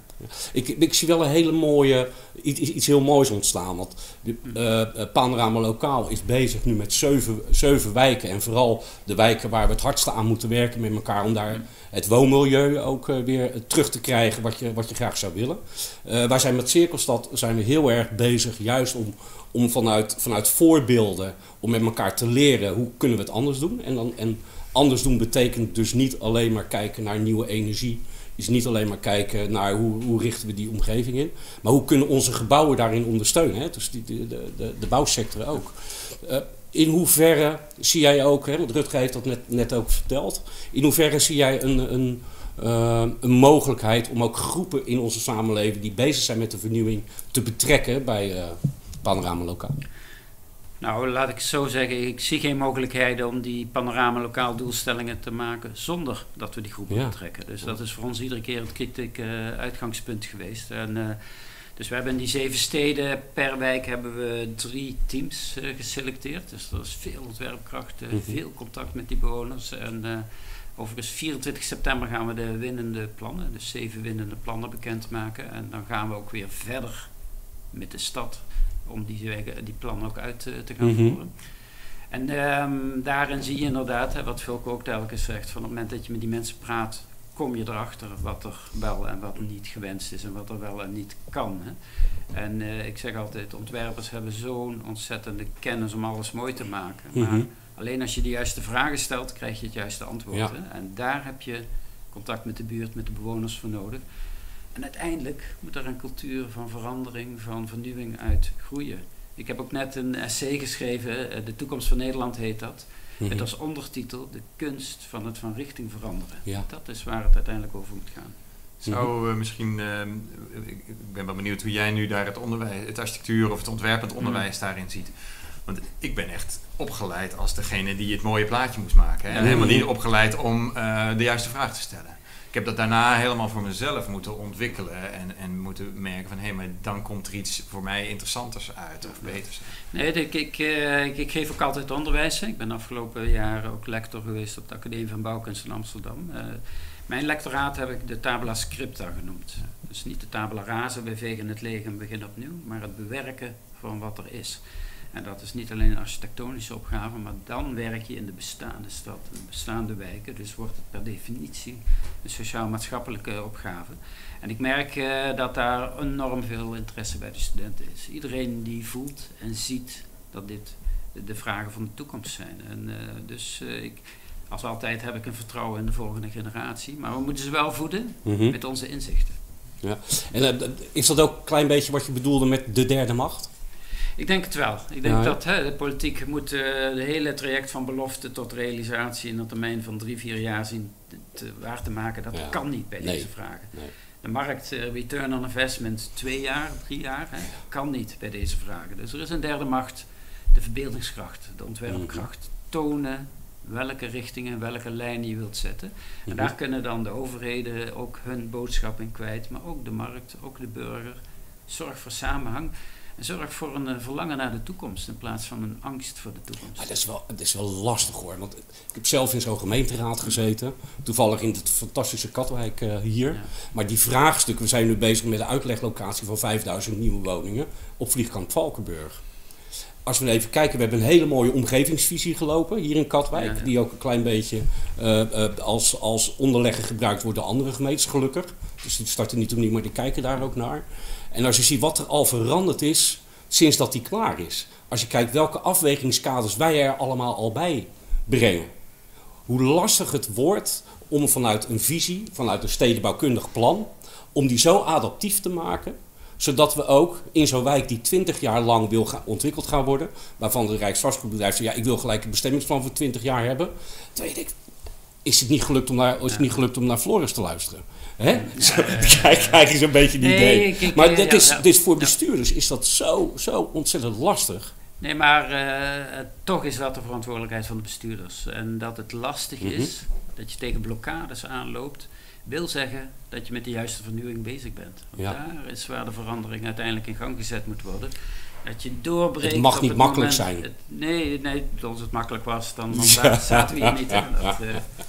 Maar zou het niet ook zo zijn dat, dat zo'n basis die je in zo'n omgevingsplan of zo'n, wat de bestuurders als beleidsvisie voor dit gebied hebben vastgesteld, ja, dat is ook gewoon maar de basis. Je kunt het ook gewoon heel anders zeggen, dat is dus niet je kader, maar dat is je vertrekpunt. Ja. Um, en vanuit dat vertrekpunt krijgt elk jaar dat we weer uh, nieuwe inzichten krijgen, ga je die ja. daar weer aan toevoegen. Niet omdat dat moet van een bestuurder. Ja, maar veel door het te zeggen, het is wel nog niet echt makkelijk om dat met elkaar ook te doen. Ja, maar dat kan ook dus Want, de houding van ons als samenleving zijn. Mm-hmm. Dus waarom wachten we op de bestuurder die zegt dat het anders moet? Nou, terwijl je ook kan zeggen, van, nou, die heeft het vertrekpunt neergelegd. Want we, we, beschouwen dat dus heel vaak als een kader. En ik vind dat zo raar. Hè? Dus als we maar binnen het kader blijven. Terwijl je kon zeggen, dit, dit is het. Ja. Maar die kon toen, dat is vastgesteld in 2000X, mm-hmm. kon die echt nog niet weten dat we daarna nog een grotere opgave, nog een ander vraagstuk ja. kregen. Dus die voegen we daar gewoon aan toe als samenleving, mm-hmm. als professionals, of weet ik veel. In, het, in de lijn, in de intentie, in de waarden van dat vertrekpunt. Nee, het is natuurlijk, hè, maar we, je moet ook niet vergeten, we zijn een hele bouwcultuur aan het omvormen. Hè. Een bouwcultuur die de afgelopen decennia alleen op tijd en geld gestuurd heeft. Ja. En, uh, en daar de andere verhaallijnen in te brengen, dat is wat we nu zien gebeuren. En dat is altijd te langzaam. Je hebt die jongens, heb je het nou nog niet begrepen, maar uh, het is ook een oceaanstomer die, die van richting moet veranderen. En Mogen er van jou ook dingen af uit die bouwcultuur? Want het, uh, mm. gewoon veel mensen altijd maar dingen toevoegen, ik zelf ook. Nou, ik denk uh, dat het ontzettend interessant is. En dat is ook een van de thema's die wij bij mijn lectoraat Tabula Scripten hebben onderzocht. Van hoe kun je ontwerpen door dingen weg te nemen. Hè, de, het uh, dingen eruit halen uit een systeem, waardoor ineens hele andere mogelijkheden ontstaan. Uh, waanzinnig interessant bijvoorbeeld, kun je af en toe wegen verwijderen, bijvoorbeeld. Hè, en daardoor een gebied tot ontwikkeling brengen. En ja. dat, dat soort vragen kun je op veel verschillende manieren werken. Ik denk ook veel wijken interessant zijn als je op bepaalde manieren doorbraken weet te maken. Waardoor er ineens hele andere. En dat is de ontwerpcultuur toch nog meer, een echte bouwcultuur? Nou, ik denk de bouwcultuur interessant zou zijn als uh, bijvoorbeeld alle betonboeren vanuit hun eigen belang uh, die houtcultuur gaan omarmen als een tweede lijn. Hè? Goh, je zegt, je zegt nogal wat. Nee, maar ik, ben het wel, ik ben het wel met je eens, hè, want ja. ik denk dat we. Ik heb hier uh, gedaan de Battle of, of the Materials. Dus we hebben hout. Ja. Uh, beton en uh, uh, staal bij elkaar gehad. Ja, ja, Zoiets. Ja, dat was heel erg leuk. En we begonnen met, met, met te zeggen dat het allemaal erg anders is. Zo. En waar we, we waren tien minuten tot een kwartiertje bezig. En eigenlijk kwam het er, ja, maar we, het moet hybride zijn. We moeten met elkaar gaan nee, samenwerken. moet je, moet je dus, samenwerken. Ja. Maar, maar Kodak uh, vond de digitale camera uit en nam het niet serieus. Hè? En nee. het ging over de kop. Uh, beton is een prachtig materiaal. Het werkpaard mm -hmm. van onze architectuur, van onze steden. Maar tegelijkertijd zie je een verandering op gaan komen. Kun je nou niet diezelfde kennis van de hele bouwketen, van de bouwcultuur, mm -hmm. alle contacten, van je, van je mechanismes inzetten om die omslag te maken? Ja. Dan ben je op de toekomst voorbereid.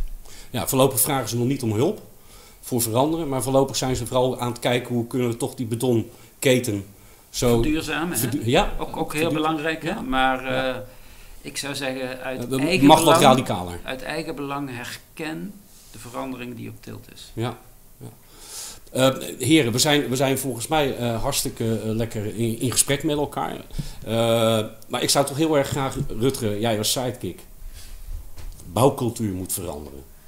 Je gaf net al even aan, we zijn met samen versnellen bezig.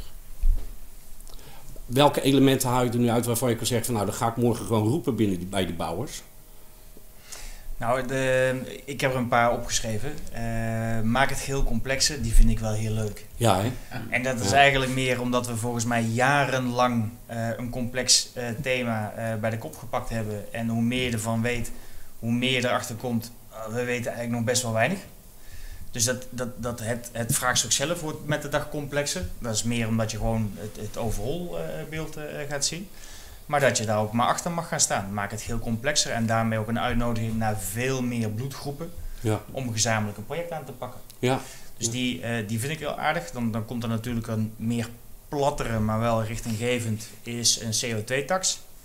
Maak scheiding uh, in de markt. Uh, mogen die ook duidelijk zijn.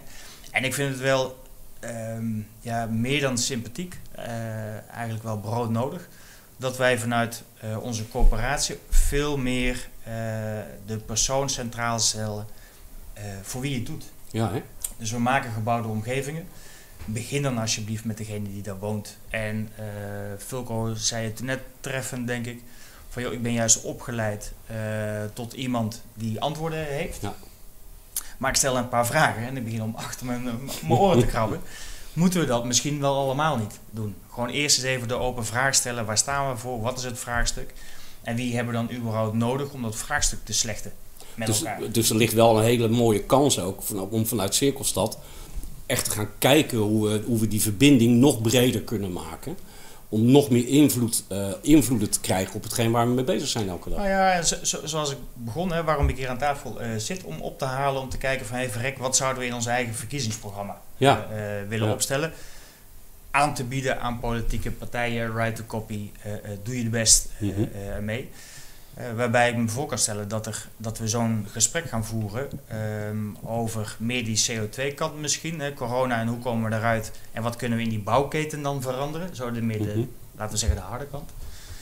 Dat we een keer daarop eh, zeggen van oké, die cultuur hebben we, eh, zouden we vast moeten pakken. Ehm, en hoe werkt dat nou uit in samenwerkingen, in coalities? Hoe werkt dat nou uit in de, in de, in de praktijk? Wat is dat dan, dat nieuwe normaal? Maar die zijn, niet, dat, die, die zijn dus niet hard of zacht voor mij. Even, maar als ik toch mag inter- interpreteren. Ja. Als je bijvoorbeeld die betonkant pakt. Hè? Stel nou dat mensen die in die betonnen woningen, die betonnen nieuwbouwwoningen wonen. En die weten gewoon op een gegeven moment van ja, dit is wa- wat ik nu dus, waar ik ga wonen, waar ik mijn handtekening onder zet. Dat is eigenlijk niet goed voor mijn kinderen.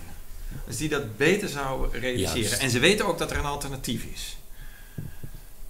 Dan ben je toch wel gek om daar een handtekening onder Ja. te zetten. hè? Dus ook daarin kan je ook die, eh, misschien is dat wel de vierde macht, of weet ik veel. Mhm. Maar eh, die, die, die, die groep van die eindgebruikers een veel grotere rol geven. Ja. In plaats van weer aan het Rijk te zeggen van ja, dan krijg je dus zo'n spel tussen de lobbyisten en de minister. Mhm. Ja, weet je, het zal allemaal wel. het, het moet ook, maar eh, eh, ik denk dat aan die andere kant veel meer potentie ook nog zit. Fulke, wat, wat ik mij denk, vaak op, nou, Nico, laat, laat ik Ja? die maar meteen vastpakken. Ik denk dat dat de derde is. Dus dat je het hebt over, Sorry. en dan denk ik... Eh, Ik onderbrak je, sorry.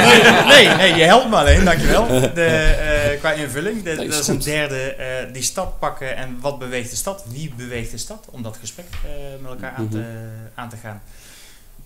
En of daar nou echt serieus een blauwdruk uit gaat rollen, even voor nu, ik denk het niet hè. Maar een aantal rode lijnen, Mhm. eh, van wat is logica. Nee, maar goed, als je het hebt over verandering van, van het systeem, hè, en je kijkt eens even, je maakt een analyse van het, eh, eh, het, eh, de, de- het roken of zo, of het analyse van het fietsen in Amsterdam of het parkeren in Amsterdam, nou, dan kun je wel een aantal lijnen uithalen hoe, welke, welke mm, eh, ingrepen er in de tijd zijn gedaan, mentaal en eh, beleidsmatig, om eh, te komen waar we nu zijn, als je het vergelijkt met 20 jaar geleden. Want dat is ongeveer de scope waar we het dus over hebben, 20, 30 jaar geleden. Als je 30 jaar geleden kijkt naar roken en 30 jaar geleden kijkt naar de autobezit of auto, autogebruik in Amsterdam. Dat zou een interessante casus kunnen zijn. Volgens mij als we die eens oppakken, nou, dan kom je volgens mij heel snel op die samenwerking tussen die, Mhm. twee, tussen die, twee, tussen twee gebieden eigenlijk. En dan hou je het inderdaad complex. Ik ben ook Ja. erg voor complexe opgaven. Die zijn alleen maar complex beantwoorden. Ja. Maar ehm, Ja, precies, maak het niet eenvoudiger dan verantwoord is. Hè? Want daardoor mis je Dat is een hè? Hè? Ja, En, eh, precies. want dan wordt de oplossing in het ene domein het probleem van de andere. En dan heb je niks opgelost. En, en probeer inderdaad uiteindelijk te kijken waarom je het doet. Hè? In mijn essay De toekomst van Nederland haal ik Simone de Beauvoir aan. En die zegt, als je nou wil weten wat het ware gezicht van de maatschappij is, kijk dan hoe ze met de meest kwetsbaren omgaan. Hè? En dat is denk ik ook voor ons allemaal een eikpunt. Hè? Als Ja. we aan onze steden werken, als we aan onze bouwplannen werken. Wat betekent het nou voor de meest kwetsbare groepen in onze stad? Hè? En als we dat verhaal op orde hebben, dan geloof ik de rest ook wel. Ik, eh, ik wil nog één ding, één ding eh, aanstippen, Vulke, want je zei dat net heel erg treffend.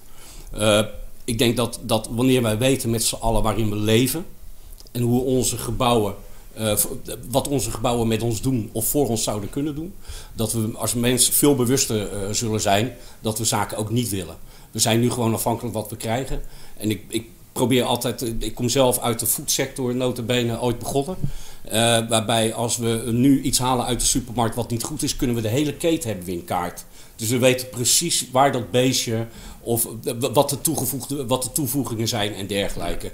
Als nu een, een, een eh, nou, ik mag het bijna niet zeggen, eh, een bollenvloer instort, dan zijn we met elkaar gewoon een half jaar, drie kwart jaar bezig om erachter te komen waar ze zijn. Als je nu in Engeland een gevel afvikt, dan weten we echt niet met één druk op de knop wie allemaal die gevels hebben, wat eh, welke materialen erin zitten. Voor de veiligheid, volgens mij de toxiteit waarin we wonen en dergelijke. Laten we daar dan ook eens met elkaar over praten. Laten we eens kijken met elkaar of dat we niet meer naar biobased eh, kunnen gaan. Het lijkt zo evident. Het lijkt zo evident. Maar eigenlijk helpen we gewoon de industrie door er niet te vragen aan hun. Voor je maak mij nou eens duidelijk wat ik krijg voor jou. Ja. En volgens mij zit daar ook, hè, wat je zegt met roken. Waarom zijn we minder gaan roken? Omdat het uiteindelijk tot ons is gekomen dat we een keuze kunnen maken of dat we het wel of niet doen. Dus ik zou die keuzevrijheid heel erg graag willen beïnvloeden. Door ook eens tegen de mensen te vertellen in wat voor woning en wat ze krijgen. Ja, maar ondertussen, dus, als je dat dan vraagt, hè, eh, geef mij eens informatie. Ik ben nou een, eh, een woning aan het ontwerpen, gewoon één, één simpele woning, zo circulair mogelijk, zeg maar even. Ja. Simpel. Nou, en ik, je geeft de leveranciers de vraag van, geef Ja. mij eens inzicht in hoe werkt dit nou, de, jullie materiaal, jullie, jullie nou, dat zijn allemaal verkooppraatjes. Ja. Dus je moet wel zo enorm bedreven zijn, zo enorm veel kennis hebben om door die praatjes heen te prikken, want iedereen noemt het het beste. Ja, Ja. Het is echt ongelooflijk. En dan denk ik, ja, maar waar is dan die ethiek? Waar is dan Ja. ons besef van wat, waar we naartoe moeten? Mhm. Nou, ik vind dat pittig. Ik vind Ja. eh, dus ik ben eh, eh, optimistisch omdat we dit soort gesprekken hebben. Mhm. Maar ik kan zeker ook vier dagen in de week behoorlijk pessimistisch zijn en behoorlijk moeten schoppen om erheen te komen. Ja. Nou, dat hoort er dan blijkbaar bij. Nou, houd, die pessimisme, houd dat pessimisme vast. Durf erom te vragen. En ik denk dat wij met elkaar gewoon moeten zorgen dat we er wel die kant op gaan. We zitten richting 12 uur. Ik zou het eigenlijk willen, willen gaan afronden. We hebben volgens mij. Ik heb geen moment gedacht van, nou, dit gesprek gaat, eh, gaat de verkeerde kant of ik weet niet meer waar ik het over willen hebben. Kant, Eh, ik, krijg, dat? ik krijg, ja, de verkeerde. Zeker deze Dat is, dat is een hele goede Vulke. Als jij, als jij het antwoord weet, mag je het zeggen in de uitzending. Eh, er bestaat geen verkeerde kant, heb ik eh eh, Floris horen zeggen. Er bestaat wel een vraag naar welke kant je op wil gaan. Dus, eh Floris, ik zou je willen vragen. Ik weet dat je, dat je, dat je scheidend bent. Hè? Er is nog geen nieuwe uh, Qua rol, Rijksbouwmeester. Qua rol, in Nou, ieder ik geval. heb, eh, Hè, gaat weer hard nee, bezig in... Nee, eh, precies. Mijn, mijn ja. termijn eh, zou tussen de drie en de vijf jaar zijn. Ja. Eh, en eh, ik heb er vijf jaar op zitten. ja. Eh, tegelijkertijd hoor ik geruchten vanuit de selectiecommissie die bezig is met mijn opvolger. dat er waarschijnlijk aan mij gevraagd wordt om mijn termijn nog wat te verlengen. Omdat de nieuwe Rijksbouwmeester nog niet beschikbaar zou zijn. Oké. Dus dat wordt in deze weken wordt duidelijk hoe mijn toekomst eruit gaat zien. Dan heb je een prachtig mooi essay geschreven waar we volgens mij ook eh, echt wel wat, wat haakjes in eh, zouden kunnen vinden. Wij gaan de komende tijd eh, met Cirkelstad en iCircle samen. Ik vertel nooit wat we zelf doen, maar goed, iCircle is een van de partners van Cirkelstad om daadwerkelijk die netwerken te bouwen en daadwerkelijk de ondersteuning te bieden aan de, aan de bouwketen om te komen tot verandering.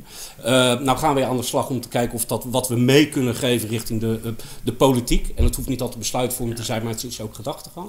In hoeverre eh, kunnen wij nog beschikken over Floris af en toe aan tafel? Ik denk dat dat. Nou, als je eh, een overtuigende manier hebt om je vraag te stellen, is er altijd hoop. Hè? ja, bij deze heb ik hoop eh, gevoeld. Dus, eh, maar goed, en anders, anders kunnen we Nee, altijd even kijken of eh, dat er andere eh, mensen ik- zijn die. Ik, eh, zit hier niet in deze functie om mijn mond dicht te houden. Hè? Dus Nee, wat dat betreft, nee. eh, en ik ben dol op eh, partijen die die verandering op een zinvolle en relevante manier willen inzetten. Dus dat, dat verdient hoe dan ook steun. En moet even kijken wat en hoe. Hè? En, eh, Ja. Maar inderdaad, hè, want die politiek en dat, ik heb veel eh, connecties met politiek nu. En ik merk inderdaad in iedere politiek die, die schizofrenie, hè, in iedere Mhm. politicus, hè, van je begint als politicus vanuit een idealisme en je zit in de banale platvloerse afwegingen van de alledaagse wereld. Hoe breng je dat bij elkaar? Hè? ja. Prachtige worstelingen, dat is ook waar cultuur over gaat. Juist, en het lijkt me ontzettend leuk om met die worstelingen aan de, aan de gang te gaan straks. Om daar toch iets, iets uit te krijgen waar, waardoor we visie creëren. eh, bij degene die het zo meteen moeten gaan doen. Nee, precies. En ik eh, pleit altijd voor iets meer idealisme en iets minder banaliteit in overwegingen. Heerlijk. Ik zie, je- ik zie je graag nog een keer terugkomen. Fulco, dank je wel. En volgens mij hadden we ook nog een uur door kunnen gaan met alle mooie dingen die jij al gedaan hebt. Eh, eh, bijvoorbeeld Berlijnplein, hè, waar, waar een klein stukje panorama eh, lokaal al, al is ontstaan en dergelijke. Nou, mensen die, die het graag willen zien, kijk vooral op, op Fulco zijn website. Of google hem gewoon eens wat Fulco allemaal gedaan heeft. En ik denk dat Fulco een van onze voorlopers gaat zijn. En we gaan jou ook wellicht nog een keer uitnodigen. Rutger, ontzettend bedankt als sidekick. Ik vond eigenlijk dat je best wel leuke deed. Deed ik het leuk? Ja, ik eigenlijk best wel lekker. Best wel leuk. Nou, Dat fijn. gaan we, gaan we vaker doen, Ik zat goed.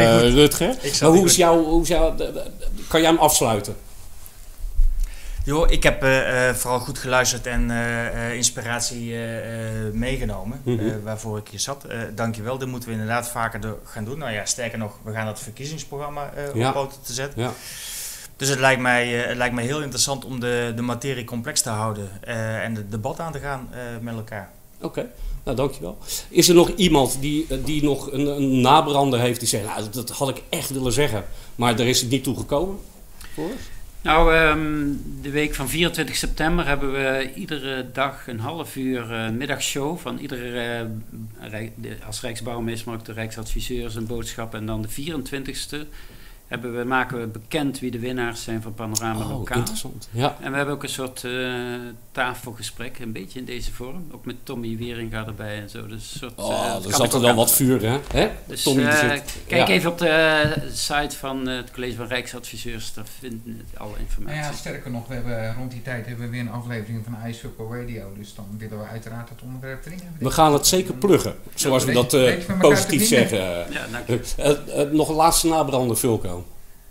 Ehm, nou, stichtelijk? Nee. Eh, ja, dat mag er, niet, is, hè? er is veel gezegd. Nee, eh, hier aan tafel is niet nodig. Maar eh, eh, wat ik heel vaak eh, bij presentaties en, en eh, ehm, eh, colleges ge- zeg van ja, als je één ding kan bedenken waarvan je na vandaag iets solidairder aan het werk kan gaan, of iets, dan, eh, dan, eh, dan is er alweer een hele hoop gewonnen. Dus eh, Nou, zo eindig ik dan maar meestal. hij, is toch wel, hij, hij is een beetje stichtelijk, maar het, het, het, het spreekt wel tot de verbeelding dat je daar wat mee moet doen in ieder geval. Dus bedankt voor deze wijze woorden.